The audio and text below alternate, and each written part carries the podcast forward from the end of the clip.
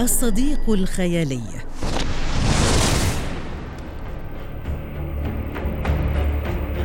صديق يتأرجح بين الحقيقة والخيال بين الغموض والريبة وأكثر من هذا بين الشياطين والملائكة.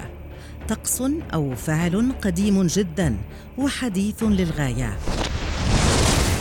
الأطفال أبطال هذا الطقس والبالغون لهم قسم كبير أيضا. من هو التولبا وكيف يغدو تفصيلا هاما من حياتك؟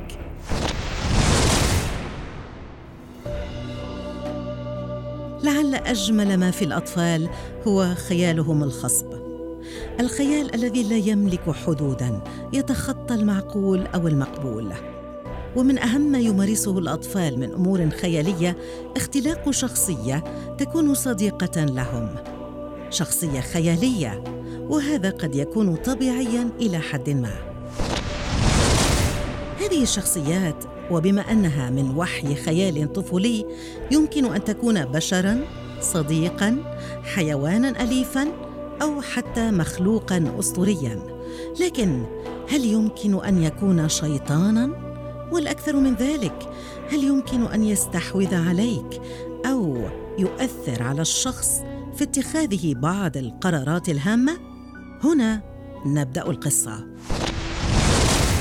التولبة بحسب علماء النفس مخلوق خيالي يقوم المستضيف أو الشخص الذي يصنعه وعادة ما يبقى داخل العقل البشري وهو أو هي لا تظهر فجأة بل يجب أن تقوم وفق خطوات عقلية محددة. عموما هذه الظاهرة تنقسم إلى قسمين الأول هي أن تبقى داخل عقل المستضيف والثانية أن تخرج من العقل. يتبعها فقدان للسيطرة عليها فتصبح كنوع من الأطياف أو الأشباح التي ترافق من خلقها في كافة نواحي حياته اليومية. يمكن القول أنه لا فرق بين التولبة والصديق الخيالي.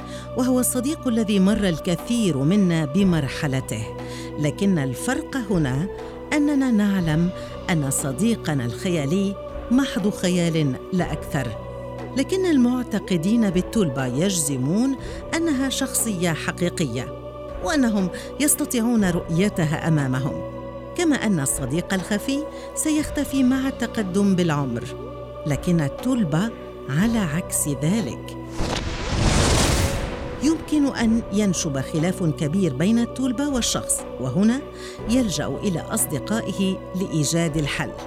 ونعم يوجد هناك مجتمعات خاصة بهذا الأمر ويتواصلون عبر عدة مواقع مثل ريديت وفورتشان تاريخ هذه الظاهرة يعتبر قديما بعض الشيء.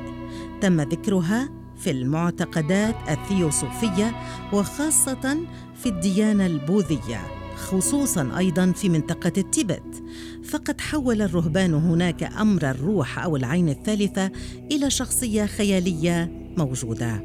والآن إلى الجزء الأخطر والذي لا ينصح بتجربته ابدا. كيف تصنع التولبة خاصتك؟ لا تحتاج الكثير من الأدوات فقط ورقة وقلم. وابدأ باسم الشخصية الشكل الوصف الشعر أو الفرو وما إلى ذلك من مواصفات. وأيضا هناك المواصفات الباطنية. بعد هذا ابدأ الحديث معها عن أي موضوع ويوما بعد يوم تتقرب منها. ويمكن هي أن تناديك فقد تضع في قواعدك الخاصة أنها تستطيع أن تناديك متى أرادت. استمع لرأيها وتعليقاتها وستتطور الأمور بينكما تلقائياً. أجاتا كريستي الكاتبة المشهورة قالت بأنها ابتكرت الكثير من الأصدقاء الوهميين الذين ساعدوها في كتاباتها وهي تفضلهم على الشخصيات الحقيقية في حياتها ميكافيلي في كتاب الأصدقاء الوهميين قال إنهم بقوا معه لأربع سنوات وأنه كان شجاعا ليسألهم عن ماهيتهم لكنه لم يخبر أحدا بالإجابة. شابة تدعى سام. تحدثت عن أنها تبادلت جسدها أكثر من مرة مع صديقتها الخيالية كيتي وقالت إنها ساعدتها بالتخلص من الخوف والقلق. وسام هذه تدير موقع تولبا دوت اي أو وعلى الموقع يوجد العديد من القصص حول هذا الأمر لكن الذي يخيف صراحة عنوان يقول صديقي من العالم الآخر علم النفس يقول إن التولبا يمكن أن تكون إيجابية خاصة عند من يعانون العزلة والوحدة. يمكن أن تكون خطرا بالغا إذا تم فقدان السيطرة عليها.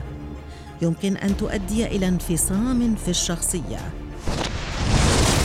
يبقى السؤال الأكثر رعبا هنا كيف يمكن لنا أن نميز بين التولبه والمس الشيطاني؟ فكلاهما يمكن أن يتحكما بجسد الإنسان وقد يظهران للعلن بشكل مفاجئ. وأيضا هل يمكن للتلبه أن تستخدم في أحد أنواع السحر القديم؟ هل هي تلك الدمية المشهورة؟ فعلا الأمر مرعب وغريب والعلم عند الله.